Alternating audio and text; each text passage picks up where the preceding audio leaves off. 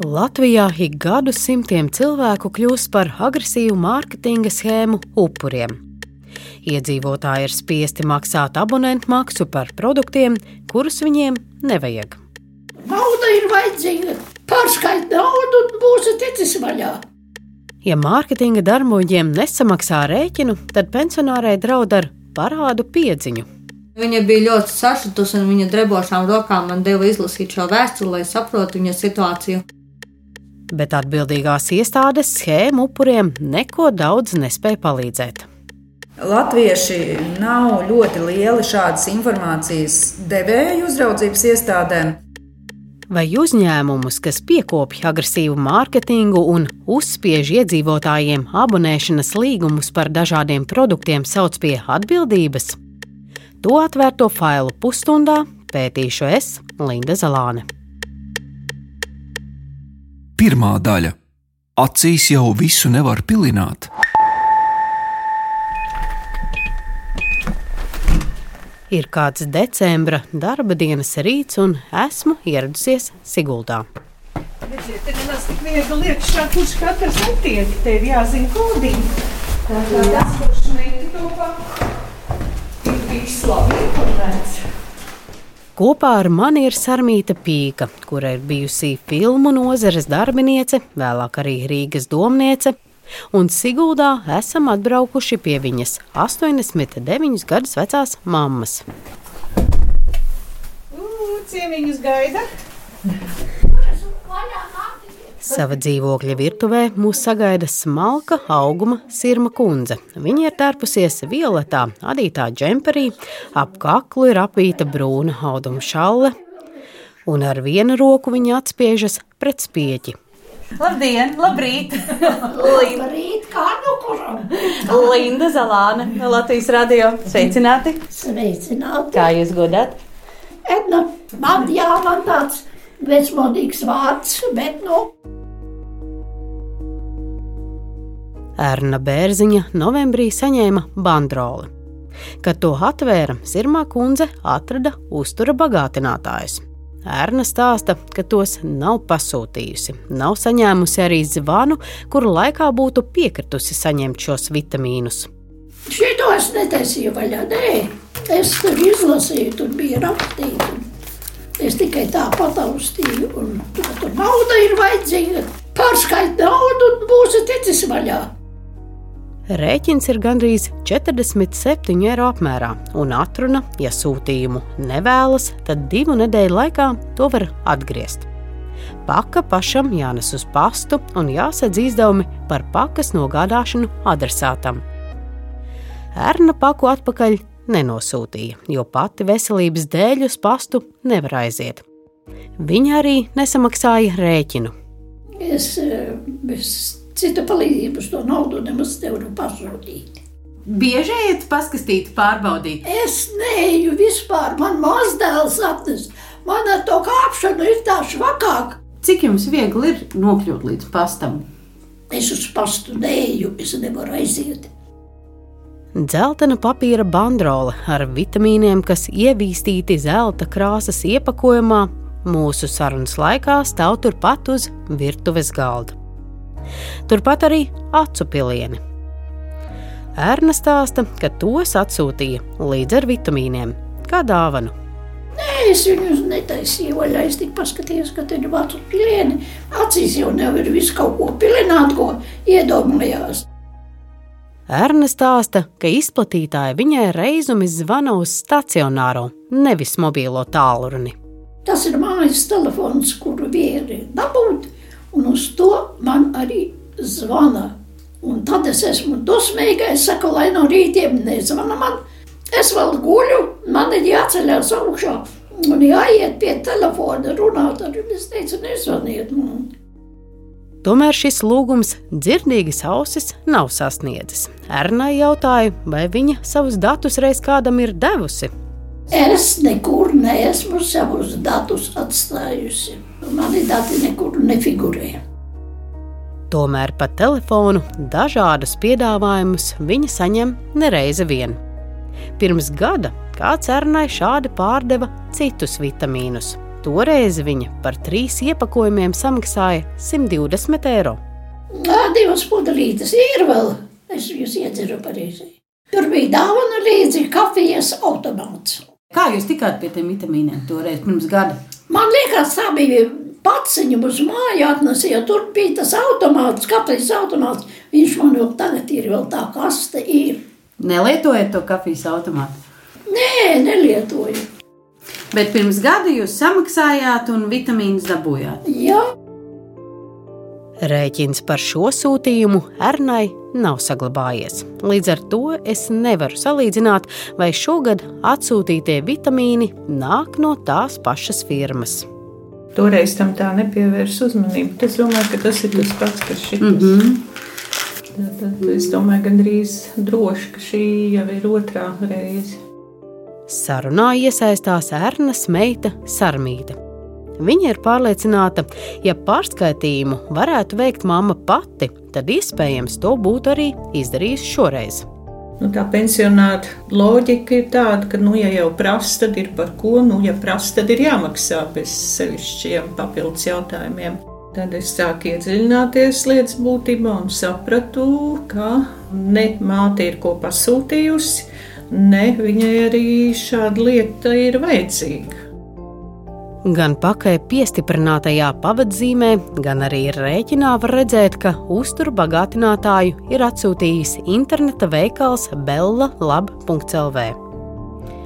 Tā nosaukums ir reģistrēts kādā adresē Lietuvā, un tas pieder Igaunijā reģistrētam uzņēmumam Direct Marketing OU. Uz aploksnes ir divi zīmogi, viens Siguldas un viens Kanādas pasta zīmogs. Tie abi ir datēti ar 2003. gadu. Man, godīgi sakot, šis liekas vismistiskākais šajā stāstā. Faktiski man pasta nodaļā neviens ar mani nerunātu, redzot aploksni, kur ir uh, apzīmota ar 2003. gadu. Bet, kad Sarmīta zvanīja uz vēstulē norādīto direkt mārketinga OU klienta tālruni, tad operators par sūtījumu bija lietas kursā. Jo mātei ir iedots uh, klienta numurs un uh, viss ir iereģistrēts. Sarmīta pēc neatlaidīgām sarunām ar telemārketinga darbinieci panāca, ka sūtījumu atceļ. Savukārt paku viņa saglabāja pierādījumam, jo viņai nav pārliecība, ka uzņēmums pasūtījumu patiešām anulēja. To darbinieks apliecināja tikai telefoniski. Mainās attieksmi, ja viņi jūt patiesu apņēmību ar viņiem cīnīties. Jo pie otrā zvana tiku kušināta, nu, liecieties mierā, mēs jūs pasūtījām, anulējām, jums nekas netiks piedzīts. Tas ir mēģinājums tevi kušināt. Labi, labi, liecies mierā, ļauj mums dzīvot, un mēs no tevis neko neprasīsim.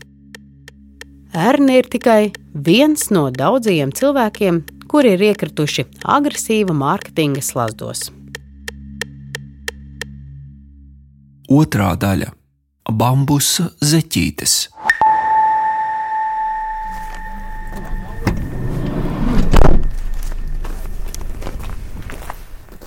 Kādā nelielā Latvijas mazpilsētā, Sēlijā, Jēkabils novadā, kur iedzīvotāju skaits sasniedz vien pusotru tūkstoti, esmu atbraukusi uz interviju. Nelielais ceļš līdz daudzdzīvokļu mājai ir sniegots. Es vēlos iztaujāt sievieti, kura strādāja par pasnieci vairāk nekā 20 gadus, bet samērā nesen viņa nomainīja darbu. Vai dēļ šausmīgi šauri? Jā, piedodiet, un viss. Sieviete piekrita sarunai ar norunu, ka neatklāšu viņas vārdu, tādēļ raidījumā viņu saukšu par Ainu. Jā, nu pašā sākumā, kad parādījās, tad jau saku, interese bija ļoti daudziem. Kas tagad būs un pirmais padomā par velti un dāvaniņu vēl tev dot.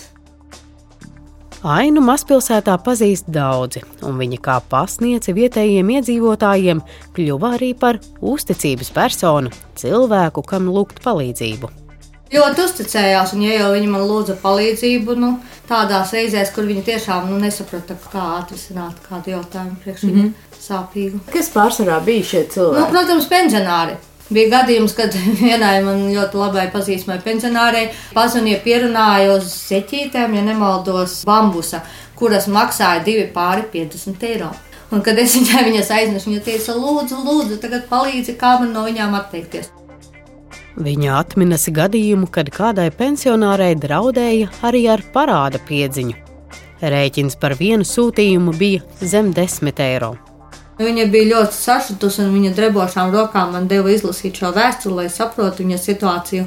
Un viņa pat bija paaugstinājusi asinsspiediens. Šajā situācijā viņa tomēr dabūja samaksāt. Tur cita nebija vairs iespēja. Viņam. Jūs ar neko nevarējāt palīdzēt? Nē, jā? jo līdz viņš ir atvērts un jau bojāts šis sūtījums vairs nekā.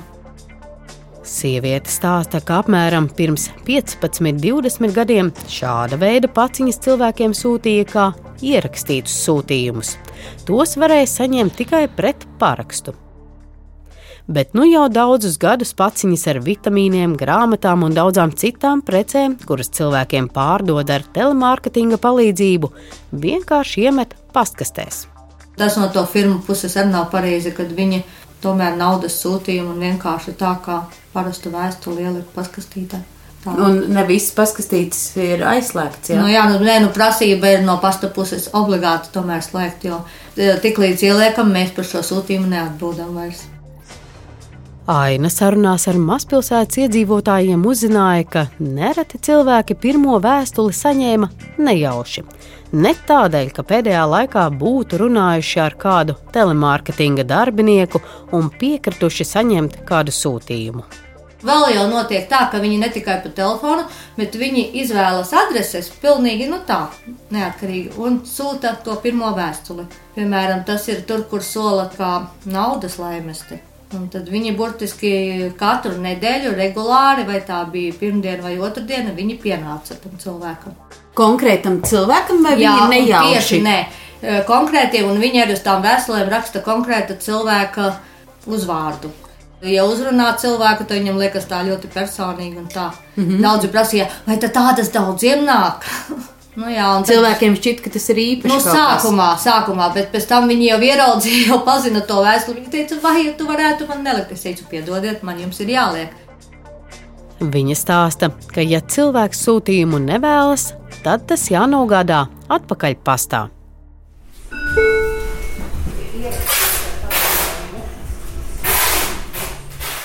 Rīgas desmitā pasta nodaļā tiekos ar Latvijas pasta pārstāvi Gundagu Vārpu. Jautāja viņai, vai cilvēki bieži nes atpakaļ sūtījumus, kurus saņēmuši nejauši vai pēc sarunas ar kādu telemārketinga darbinieku. Nu, tas ir tā viņveidīgi. Ik pa laikam šis jautājums parādās, tad atkal pazūd. Varbūt kaut kur atkal sākās kaut kādās nodaļās, jā, ir novērojama tā aktivitāte, ka tiek nest atpakaļ šie sūtījumi. Agrāk noteikti tas bija vairāk, pirms ā, stājās spēkā viss ā, Eiropas Savienības regulējums attiecībā uz personu datu aizsardzību. Proti, šobrīd sūtījumus veic ar personalizētu piegādi. Uz vēstules vai banderoles ir jābūt sūtījuma saņēmēja vārdam, uzvārdam un adresei. Kādus konkrētus uzņēmumus, kuru sūtījumus iedzīvotāja pastā nosūta biežāk atpakaļ, Gundaga vārpa gan nevar izcelt. Šobrīd var teikt, ka tas periods ir tāds uh, nu, mierīgs attiecībā uz to, lai kāds kaut ko tur ļoti mest. un Mēs pamanām, ka tur ir kāds viens ir ļoti agresīvi uh, tirgu redzams. ka Latvijas pasts slēdza līgumus ar eh, šādām uh, kompānijām. Kas ir tie uzņēmumi, kas darbojas šajā mārketinga jomā? Pamatā man liekas, es, uh, es varbūt kļūdos, un uh, noteikti nemācīšu teikt par visiem uh, klientiem, jo viņi ir daudz un katram ir savādākas tās mārketinga metodas un tas, kā viņi atrod uzzina klientus. Bet, Man liekas, ka tie, faktiski, ja runā par šādu tipu produktu segmentu, tad tie nav Latvijas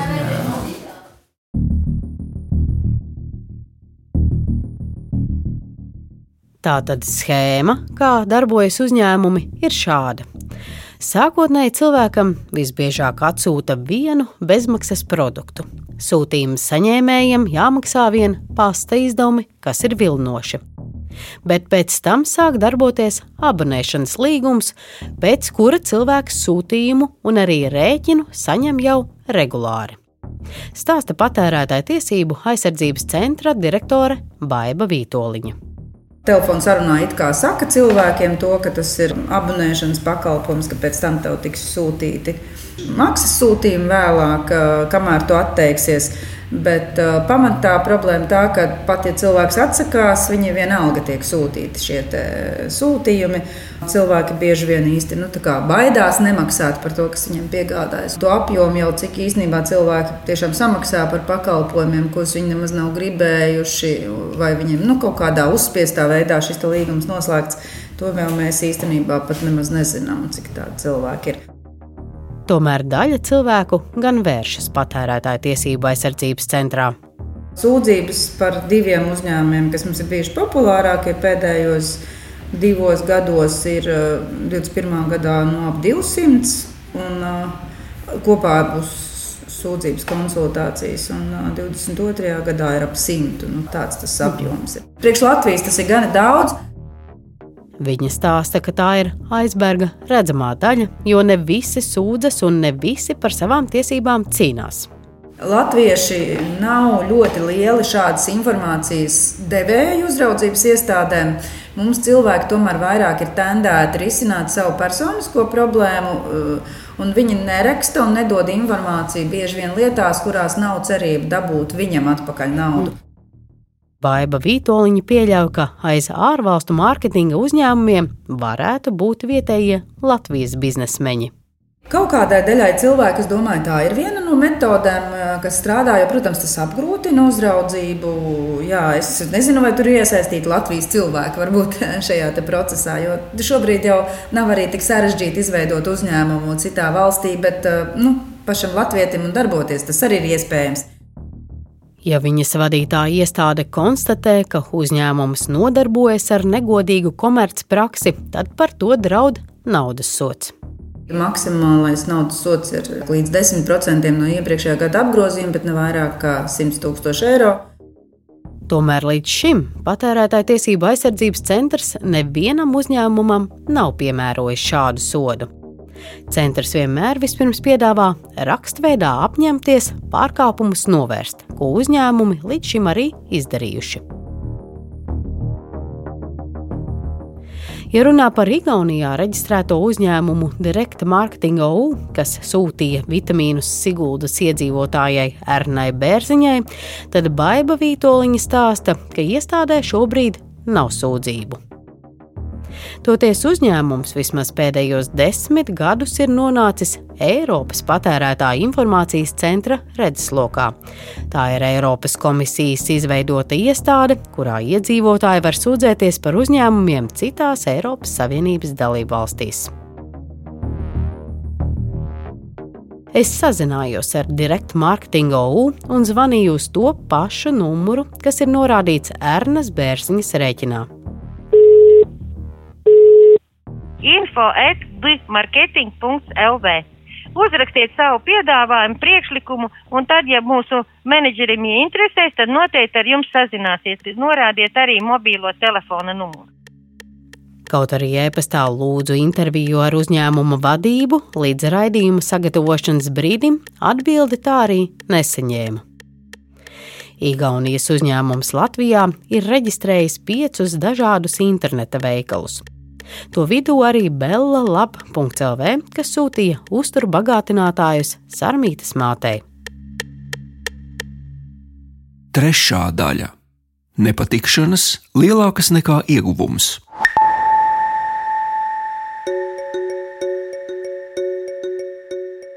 Uzņēmumi, kuri cilvēkiem piedāvā abonēt dažādus produktus kā pārdevējus ārpakalpojumā, piesaista telemārketinga firmas. Uzņēmuma produktu pārdošanas veiksmes pamatā būtībā ir telemārketinga darbinieka prasme telefona sarunas laikā pārdot produktu un noslēgt abonēšanas līgumu. Algas modelis bija tā stundas likme, nu, tā ir tāda cieta alga, un plus ir šie bonusi par katru pārdoto produktu vai pakalpojumu. Tā par telemārketinga darbinieka ikdienu stāsta Ilze, kura savulaik strādāja vienā no šādiem uzņēmumiem ar nosaukumu Telemārket. Ilze nav viņas īstais vārds, un arī balsi raidījumā esam mainījuši, jo sieviete piekrita tikai anonīmai intervijai. Viņa stāsta, ka mārketings ir skarbs. Tā mērķis ir pārdot pēc iespējas vairāk. Protams, ka katram projektam bija dienas norma, jeb dienas mērķis, ko bija nepieciešams sasniegt. Jo uzņēmums jau sadarbojās attiecīgi tālāk ar um, citu uzņēmumu, kam arī ir svarīgi, lai ir šis kāds rezultāts. Ilze nenoliedz, ka rezultāts ir svarīgs arī darbiniekiem, kuri ikdienā sarunājas ar cilvēkiem, jo aprēķins ir gaužām vienkāršs. Jo vairāk pārdotu preču un pakalpojumu, jo lielāka alga. Mainīgā daļa veidoja aptuveni pusi no algas. Protams, katrs pārdevējs noteikti pielieto kaut kādu savu tehniku, lai varētu veiksmīgāk pārdot, bet sarunas beigās vienmēr tiek veikts tāds kā sarunas kopsavilkums, kurā tad arī tam klientam prasa nosaukt kaut kāds viņa datus, ko viņš ir tur nosaucis, kā apstiprina, vai tas ir pareizi, un tad arī jautā, tātad jūs piekrītat tādam, tādam, tādam darījumam. Ja viņš pasaka jā, nu tad viss, tā tad jā. Mhm. Tas redzēšanās gaita tas tev paciņ. Var šīs sarunas laikā maldināt klientu? Nu, protams, ka var. Nu, protams, ka var bet Nu, visdrīzāk, tā kā tās sarunas tiek ierakstītas, nu, visdrīzāk jau pēc tam arī tam pašam pārdevējam ir kaut kādas nepatikšanas. Nepatikšanas ir tādā brīdī, ja šis klients vēršas. Jā, Vai vēlme nopelnīt pēc iespējas vairāk bonusus varētu būt uh, stimuls kādu reizi arī pamānīties, vai kādreiz nepateikt visu līdz galam? Pilnīgi noteikti, ka jā, tīpaši uz tiem projektiem, kur ir grūti sasniegt šīs normas, un, uh, un līdz ar to arī grūtāk nopelnīt. Bet tās nepatikšanas, manuprāt, ir lielākas nu, nekā tas ieguvums. Ilzi atklāja, ka ir kas riskē, jo nevienmēr pieķer. Ikdienā telemārketinga darbinieki veic simtiem sarunu, un ne visas vadība pārklausās un kontrolē. Ko par to saka pašā uzņēmumā? Es piezvanu telemārketu un cenšos ar tā valdes locekli Gati Krūklīti sarunāt interviju.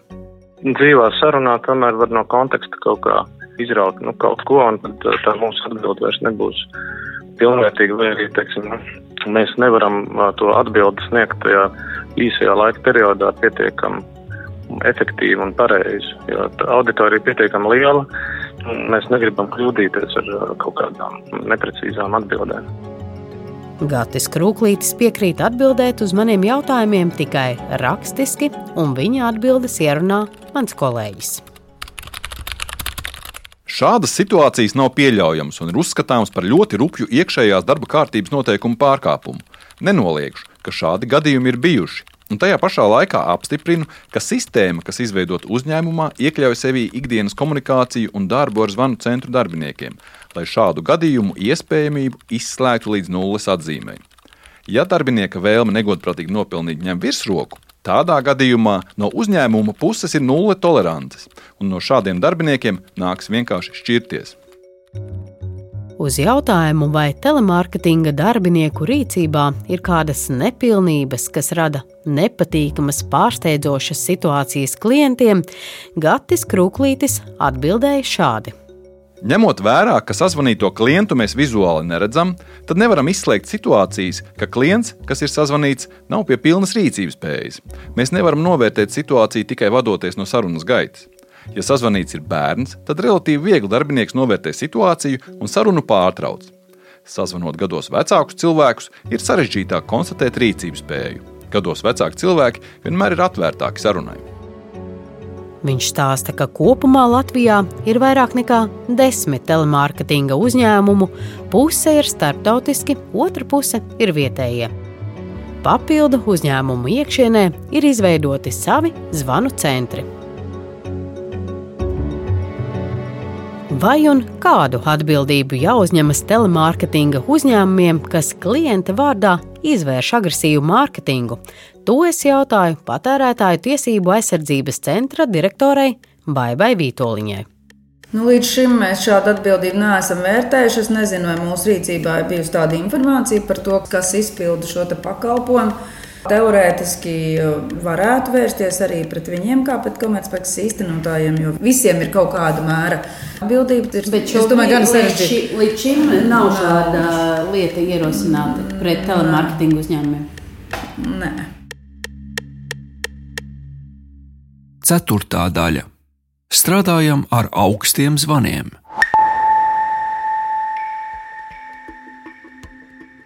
Svarīgs agresīva mārketinga ķēdes posms, ar kura palīdzību cilvēkiem uzspiež abonēšanas maksu par kādu produktu, ir dati. To aizsardzība, kā arī tas, kā uzņēmumi tiek pie datiem. Runa ir par cilvēku telefona numuriem, informāciju par vecumu, vārdu un uzvārdu. Viņi mums apgalvo, ka viņiem tos ģenerē dators, tātad neitrāli, teorētiski nav aizliegts. Es nezinu, vai tā ir taisnība, vai viņi pērk kaut kur tos telefonu numurus vai kaut kādā citā veidā uzzina. Man tādas informācijas nav, tas nav tik viegli noskaidrojams. Baiva Vītoliņa aicina cilvēkus būt apdomīgiem un savus datus pašiem nenodot trešajām personām. Viņa apraksta tikai vienu no ikdienas situācijām. Koncertos, kuros mēs aizejam, ir ik pa laikam dažādi uzņēmumi, kuri jums saka, ka jums loterija, mums te brīnišķīgi mašīnu vinnēsiet, vai vēl kaut ko vinnēsiet. Un visi dibenus sacēluši, nogulušies pie galdiem, pilda savus datus. Cik liela tā varbūtība, ka jūs tur kaut ko vinnēsiet, lai tas būtu tā vērts, principā tos datus pēc tam izmanto. Ja ne šajā, tad citās līdzīgās pārdošanas schēmās. Ja arī cilvēki datus ir labprātīgi un iespējams neapdomīgi iedavuši, uzņēmumi tos nedrīkst izmantot nekur citur, kā vien konkrētajam mērķim, piemēram, loterijai. Tā savukārt stāsta valsts datu inspekcijas direktora vietniece Lāsma Dilba. Te vēl ir viena nianse, kad saskaņā ar uh, informācijas sabiedrības pakalpojumu likumu Komercpaziņojums vispār var uh, izteikt un sūtīt tikai tad, ja persona ir sākotnēji piekritusi šādu paziņojumu saņemšanai. Un, ja komercpaziņojums tiek nosūtīts, nu, vai nu pieņemsim telefoniski saziņot, un tu neesi piekritis, tad nu, principā ļoti slikti ar šo tiesisko pamatu tur, tur saskatāms pārkāpums. Dilba uzsver, ka loterijas un izlozes ir viens no izplatītākajiem veidiem, jeb āķiem, kā iegūt personas datus. Ir dzirdēts, mēs neesam konstatējuši, ka nu, šīs datubāzes arī tiek tirgotas. Šādu praksi gan noliedz Gatis Krūklītis no telemarketa. Viņš apgalvo, ka piemēram viņu uzņēmumā privātpersonu datu bāzes neeksistē strādājam gan ar augstiem zvaniem, proti, tiek ģenerēti tālruņa numuri, par kuriem nezinām un neredzam neko vairāk kā tikai astoņu ciparu numuru, gan uzrunājam partneru esošus klientus, kuri ir snieguši piekrišanu saziņai pa telefonu. Mūsu rīcībā nav privātpersonu datu bāzes. Pie projektu realizācijas darbu pasūtītāji mums nodod klientu datus noteikta uzdevuma izpildēji. Pēc projekta izpildes dati tiek neatgriezeniski dzēsti. Tomēr bijusī uzņēmuma darbiniece Hilze stāsta ko citu. Datu bāzes pastāv, un no tām izkļūt ir grūti. Tad, kad klients pasakā, nekad nezvaniet man, netraucējiet man, izdzēsiet man ārā, tad mēs arī to darām.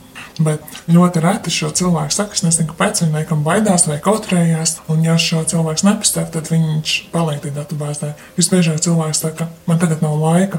Bet tātad es to arī kā darbinieks uztveru, ka tev šobrīd nav laika.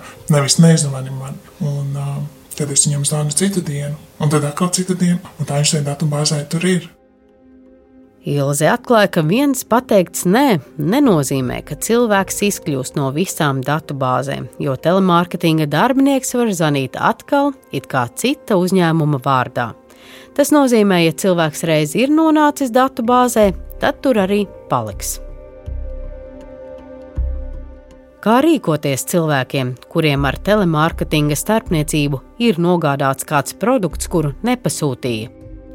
To jautāju Baibai Vītoliņai no Patērētāja tiesību aizsardzības centra. Tas nav jūsu pienākums sūtīt atpakaļ un par to maksāt. Tāpēc es aicinātu vienkārši atbildēt, labāk tomēr uzrakstīt, pateikt, ka jūs nepasūtījāt, un uh, lūdzu paši nākt pakaļ. Tas būtu tāds ieteikums tiem, kas nepasūtīja produktu. Savukārt tiem, kas piekrita šim bezmaksas piedāvājumam, Nu, tad arī izmantot šo atteikšanos tālāk, lai tas arī paliek tikai šī pirmā bezmaksas piedāvājuma ietvaros. Un jebko, ko tālāk sūta, tas ir uzskatāms par bez līguma noslēgt, un tas jums nav ne jāsūta atpakaļ, ne jāapmaksā.